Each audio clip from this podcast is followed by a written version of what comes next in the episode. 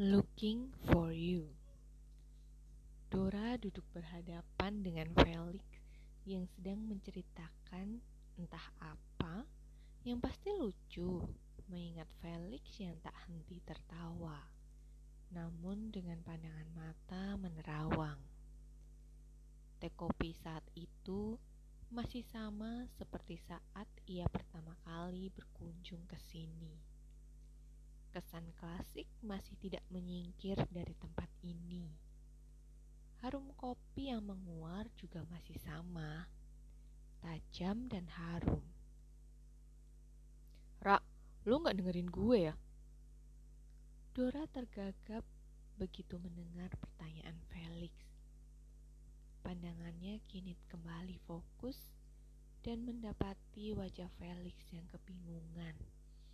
Eh, mm, Tadi lo ngomong apa? Sorry, sorry.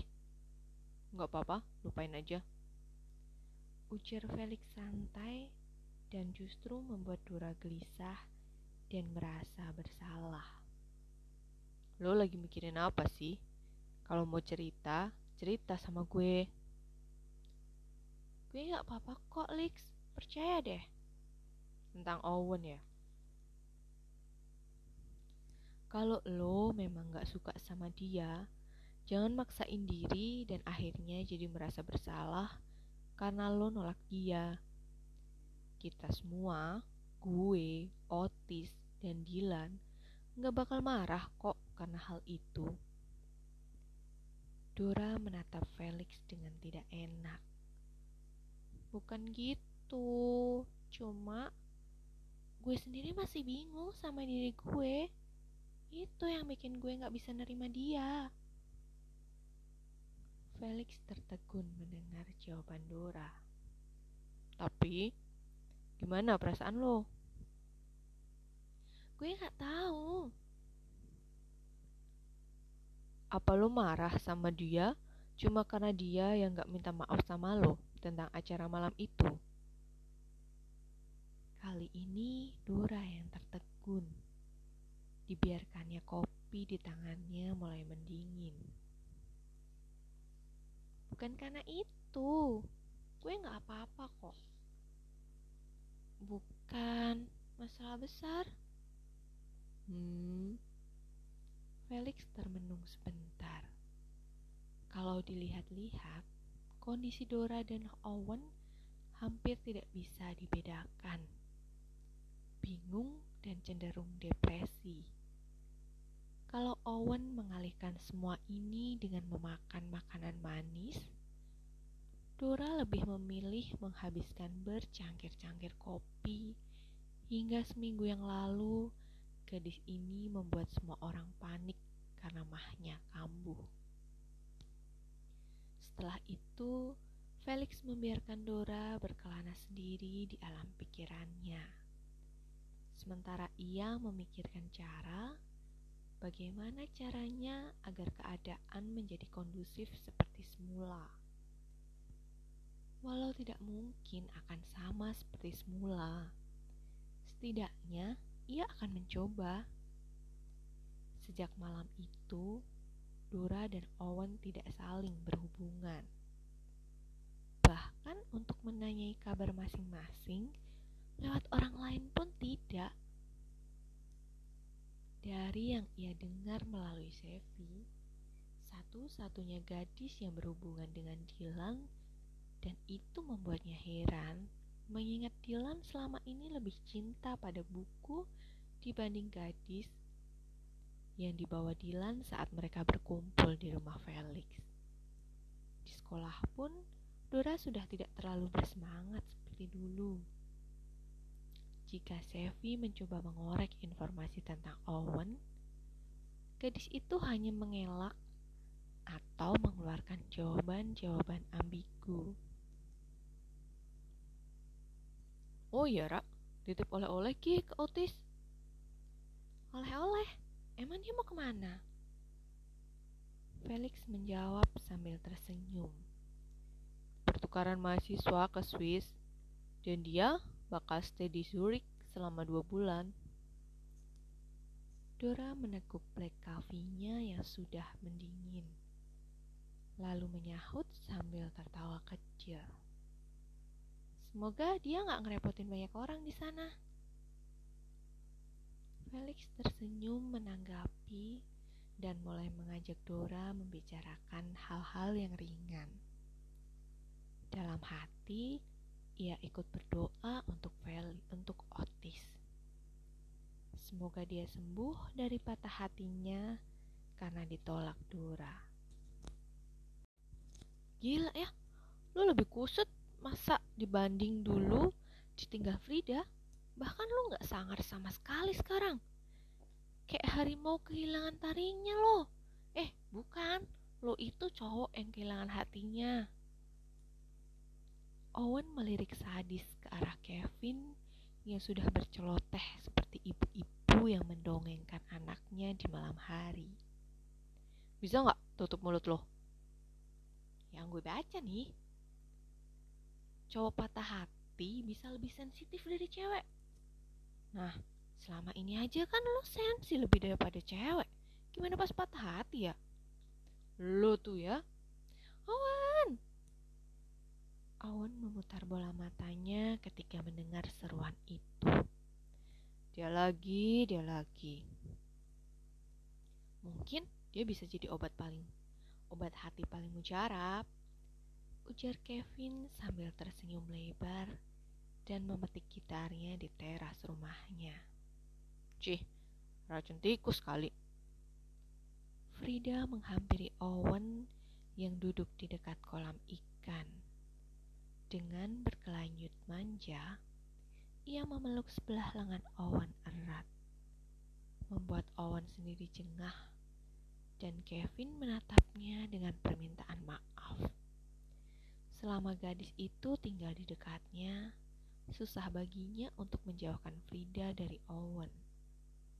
Apalagi gadis itu baru saja putus dari lelaki yang dulu menjadi selingkuhannya pastilah ia mencari penggantinya, dan pilihannya jatuh pada Owen. Kamu kenapa sayang? Kok suntuk banget? Bukan urusan lo.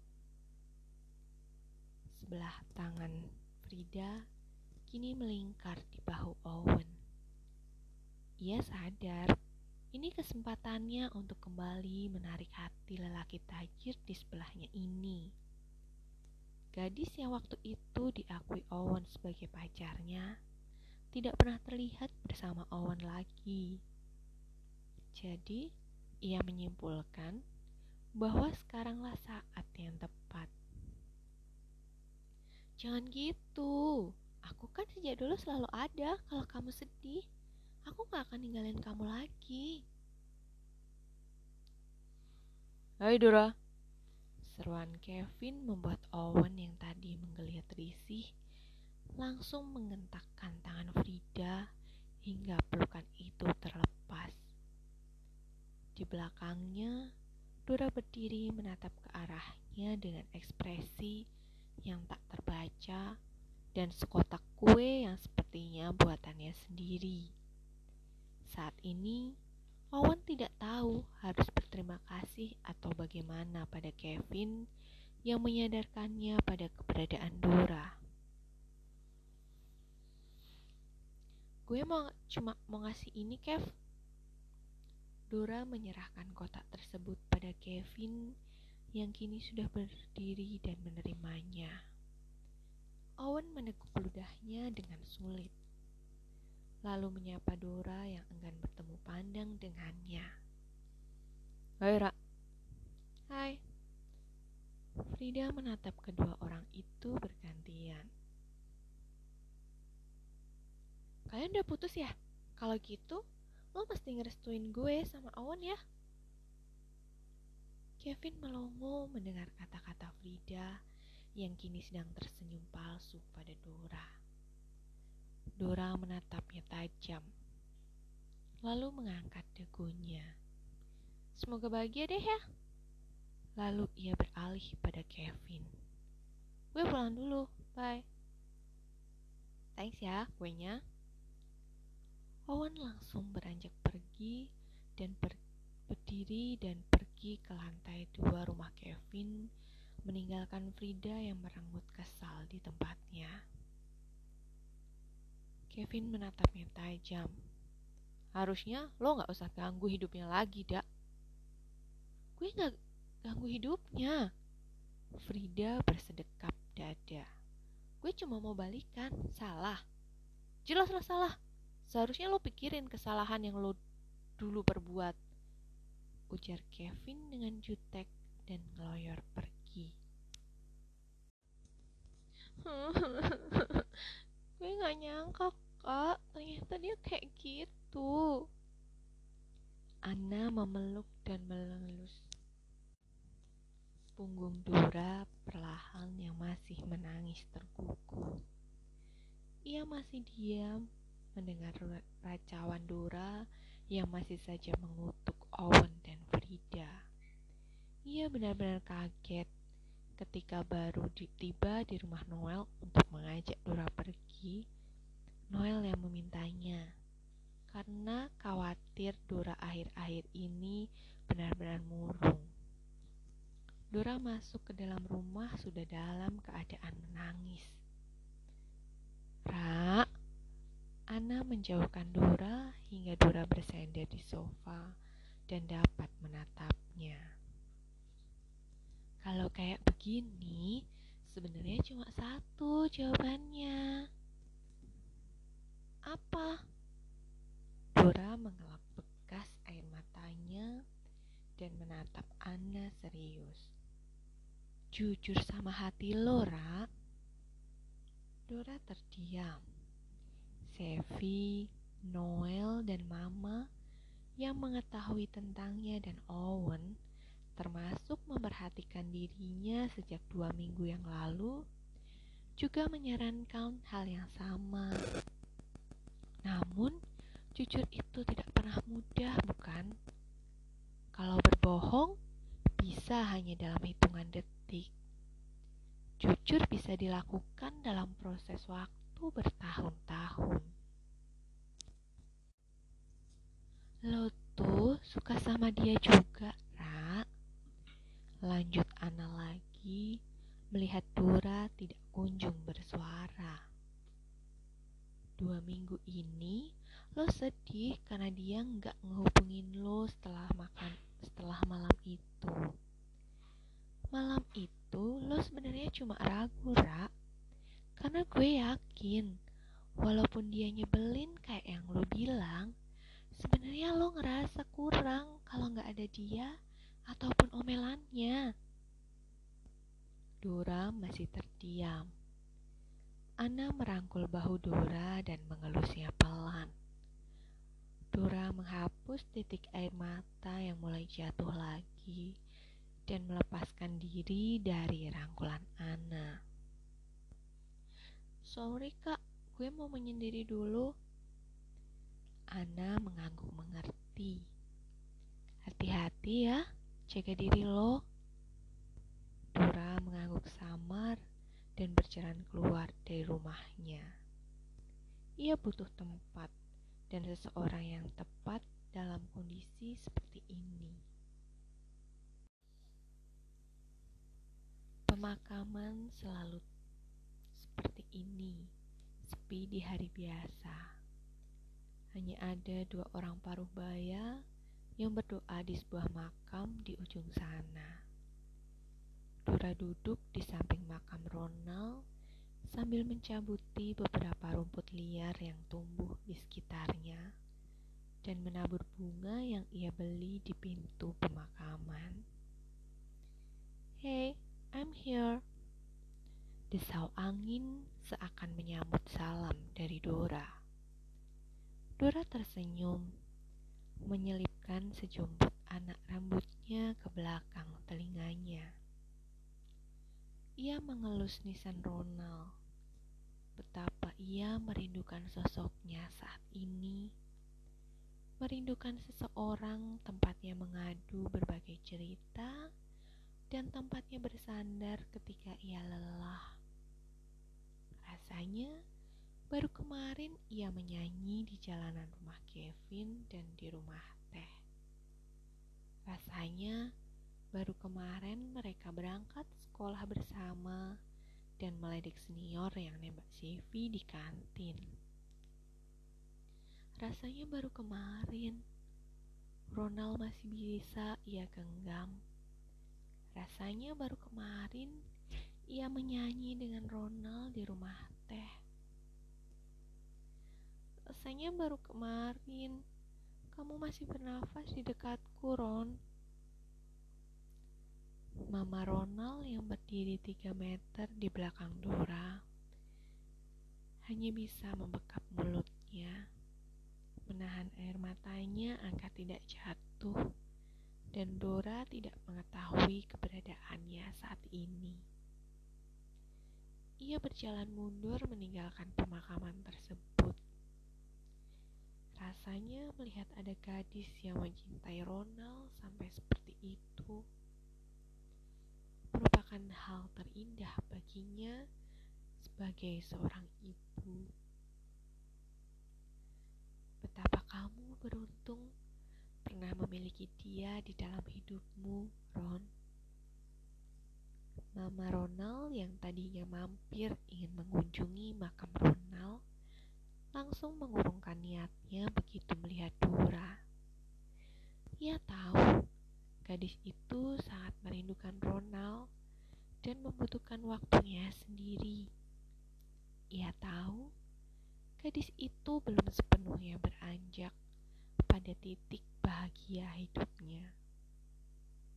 Namun, ia benar-benar tahu putranya tak ingin Dora hanya berdiam di titik kehilangannya.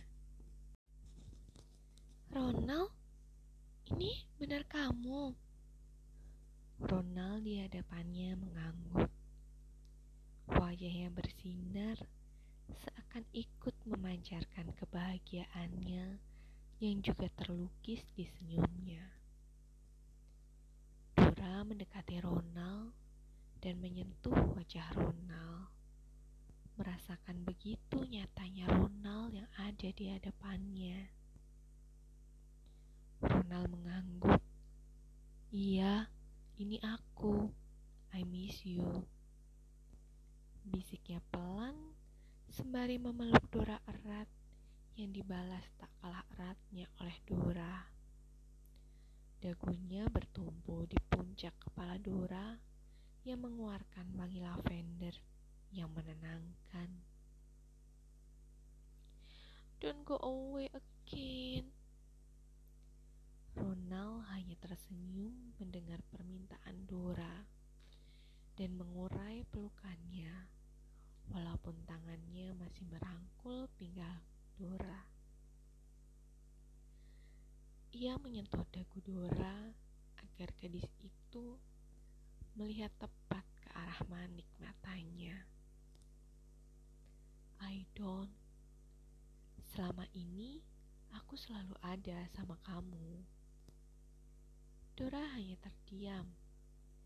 Matanya masih terus menatap Ronald, seakan berusaha memindahkan semua yang ada di hadapannya ke dalam memorinya agar terus tersimpan rapi dan tak akan hilang di kerus waktu.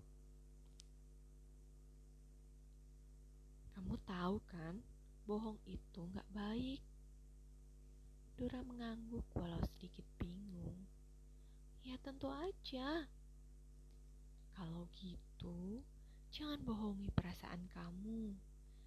Karena membohongi diri sendiri bukan sesuatu yang baik yang harus kamu lakukan. Ron, kalau memang mencintainya, apa salahnya benar-benar mengakuinya? Setidaknya, kamu harus mengakui itu pada dirimu terlebih dahulu.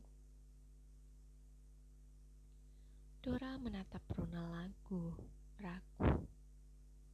Memangnya nggak apa-apa?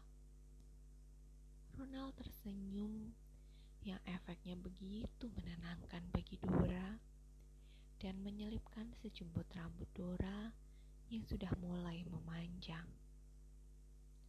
Rambutmu mulai panjang. Sudah berapa lama ya kita terpisah? Terakhir kali melihatmu rambutmu masih pendek. Mata Dora langsung berkaca-kaca mendengar penuturan Ronald yang sebenarnya jauh dari pertanyaannya. Sudah berapa lama mereka terpisah? Tidak apa-apa, ujar Ronald yang membuat Dora tertekun kembali. Tidak apa-apa kalau kamu mencintainya. Semuanya memang sudah ditakdirkan. Tidak usah merasa bersalah atau semacamnya. Karena kamu harus tahu. Tahu apa? Karena kamu harus tahu bahwa aku mencintaimu dan berharap kamu mencintai seseorang yang juga mencintaimu. Mata Dora langsung terbuka dan menatap langit-langit ruang keluarga yang nyalang. Walau pandangannya kabur karena air mata yang menggenanginya. Aku mencintaimu dan berharap kamu mencintai seseorang yang juga mencintaimu. Angin malam yang berembus pelan membawa kembali kalimat tersebut di telinga dan benak Dora. Rasanya mimpi itu terasa nyata, pelukannya nyata, kata-katanya. Ra, Dora segera bangkit dari posisi tidurnya di sofa yang baru terasa efek pegal-pegalnya dan menghapus air matanya dengan cepat. Noel yang ternyata memanggilnya baru turun dari lantai dua dengan handuk yang melingkar di lehernya serta wangi sabun yang menguar dari tubuhnya. Kenapa kak? Dahi Noel berkerut sedikit, mencoba tidak terlalu memusingkan mata Dora yang sembab seperti orang habis menangis ketimbang orang baru bangun tidur. Namun ia hanya diam. Toh, adiknya akan bercerita dengan sendirinya jika ia memang benar-benar mau. Gak apa-apa, jawabnya, lalu kembali teringat sesuatu. Rak, beliin sate Pak Dali dong, lagi pengen sate kambing nih. Sate? Tumben. Alis Dora terangkat heran. Kakaknya ini kalau sedang ingin sesuatu suka aneh-aneh aja. Kemarin malam ngajak ke rumah teh cuma buat beli Madeline. Ya nih lagi pengen banget beliinnya rak please please besok gue temenin lo nongkrong di rumah teh puasnya deh mumpung kelas gue kosong dan kerjaan lagi gak ada nih. Dora tertawa dan mendengus kecil. Ya, ya, ya, gue ke sana sekarang. Kapan lagi denger lo begging kayak begini? Oke, okay, then. Take care ya. Dora hanya mengangguk ketika sudah meraih dompetnya yang ada di atas meja ruang keluarganya dan beranjak pergi. Tanpa sengaja, ia melirik jam yang tergantung di dinding. Ternyata ia sudah tertidur selama empat jam di atas sofa ruang keluarganya. Jalanan kompleks di malam hari tidak terlalu sepi seperti kuburan. Seperti biasanya, banyak pedagang yang berjualan di sekitar taman kompleksnya dan sekitar jalanan lainnya. Tanpa perlu menempuh waktu lama, Dora sampai di depan sebuah gerobak dengan tenda yang terletak di sisi taman. Spanduk hijaunya masih sama. Harum sate yang dibakar menggunakan arang juga masih sama. Terus menggodanya yang ternyata sudah lapar. Jelas saja, terakhir kali ia makan adalah saat ngemil di sore hari sebelum ia jatuh tertidur. Pak, sate kambingnya satu porsi ya? Iya, Neng. Pak Dali menoleh ke arah pelanggan yang baru saja memesan dan langsung menatap Dora kaget. Eh, ini Nengnya waktu itu ya? Udah lama, Neng, nggak ke sini? Dora tersenyum kecil. Iya, Pak. Kebetulan ini kakak saya lagi pengen sate. Kalau gitu duduk dulu ya, Neng. Ditunggu dulu sebentar. Dora mengiyakan dan memilih duduk di sebuah kursi plastik yang kosong. Benar ternyata, kursi di sini sudah diganti semua dengan kursi plastik untuk satu orang. Tidak ada lagi kursi kayu panjang yang dulu membuatnya hampir mati konyol karena tersedak. I'm holding on your rope, caught me ten feet off the ground, and I'm hearing what you say, but I just can't make a sound. Di tengah hiruk pikuk tenda warung sate itu, Dora mendengar jelas petikan gitar dan suara bass yang menyanyikan lagu Apologize milik Timbaland. Orang-orang yang tadi dirasanya sibuk dengan kegiatan masing-masing, kini mulai menghentikan ocehan mereka masing-masing. Karena mereka sama-sama penasaran dengan penyanyi amatir yang tentu bukan seorang pengamen.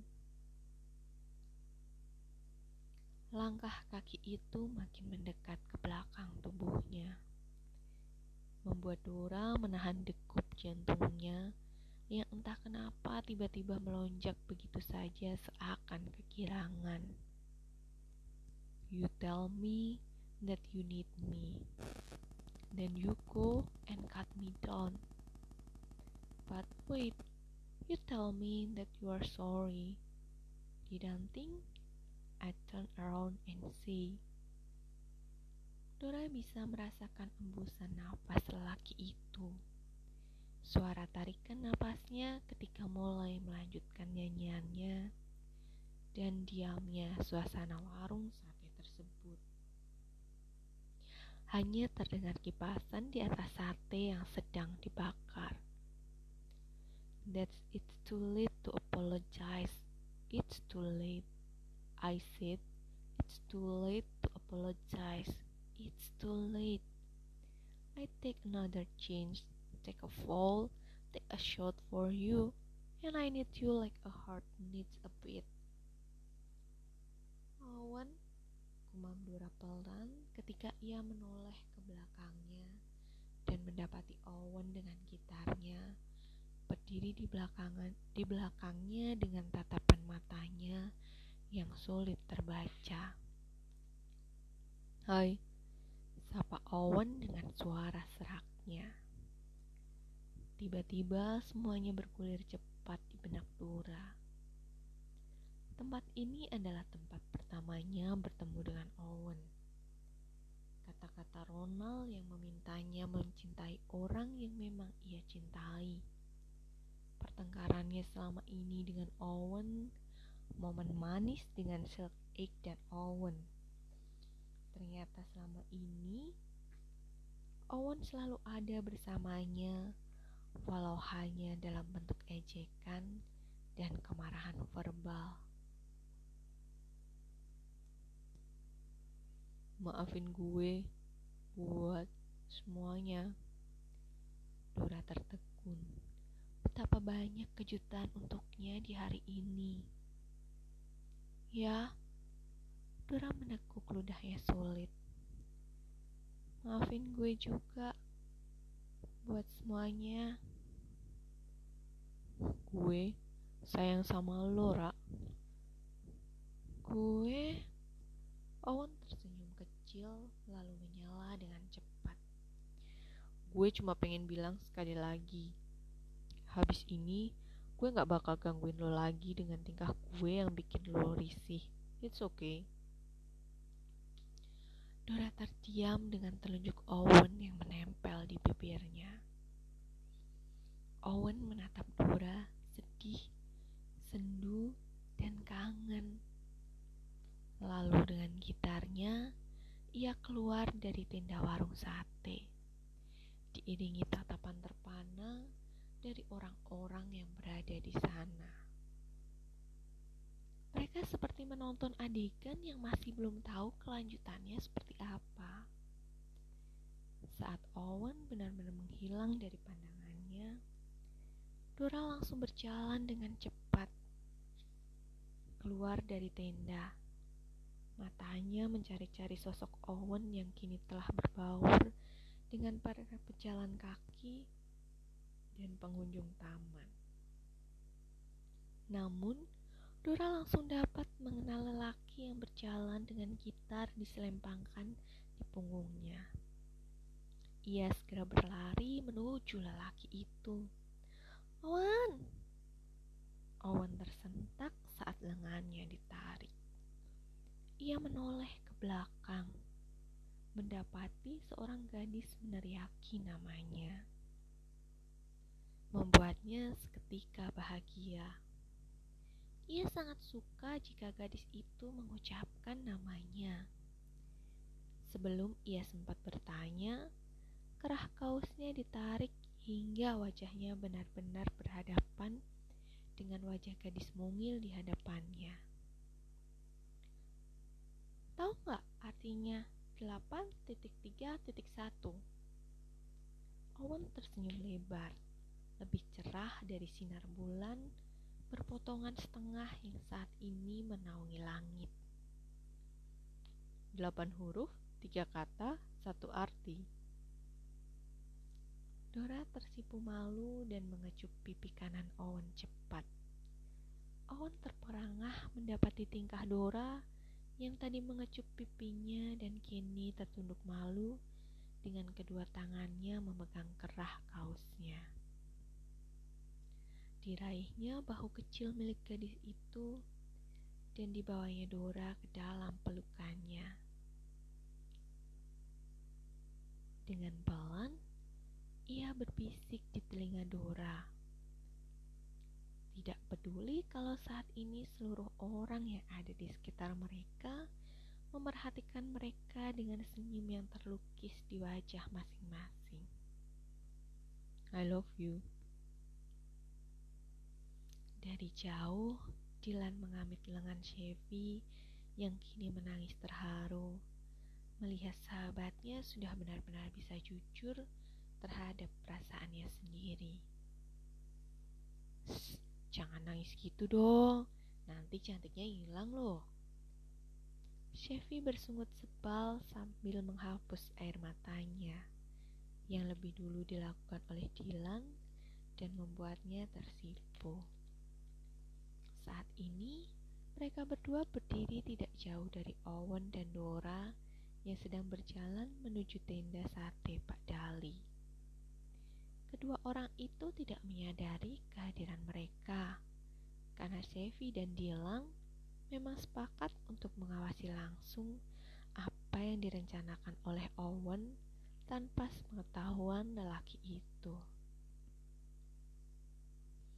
Kamu kenapa sih jadi suka gombal dan flirty gini? Perasaan kalem deh. Gerutu Sevi sambil menarik Dylan agar duduk di bawah pohon flamboyan yang sejak tadi menaungi mereka di taman ini. People change. Dylan melepas budinya dan menyampirkannya pada Chevy. Lagi pula, aku gak keberatan kok untuk flirty ke kamu. Just for you. Karena aku gak mau kalah sama cowok-cowok lain yang berusaha ngedeketin kamu. Chevy tertawa kecil. Jadi, dia cemburu sama manuver pesaingnya yang lumayan banyak itu. Cowok ini benar-benar mengemaskan. Dengan sepenuh hati, Chevy mencubit pinggang Dylan hingga cowok itu meringis. Jadi kamu yang kalem juga cukup kok. Tapi kalau kamu emang mau tetap flirty begini ke aku, it's okay. Kamu memang harus penuh kejutan kalau nggak mau kalah sama yang lain. Kuda Chevy sambil mengedipkan sebelah matanya pada Dylan. Dylan mencubit pipi Chevy gemas. Kalau begitu, sini aku kasih kejutan lagi. Sebelum Chevy benar-benar mengerti apa yang Dilan ucapkan, cowok itu sudah lebih dulu mengecup kening dan pipinya lembut. Cowok ini memang benar-benar penuh kejutan.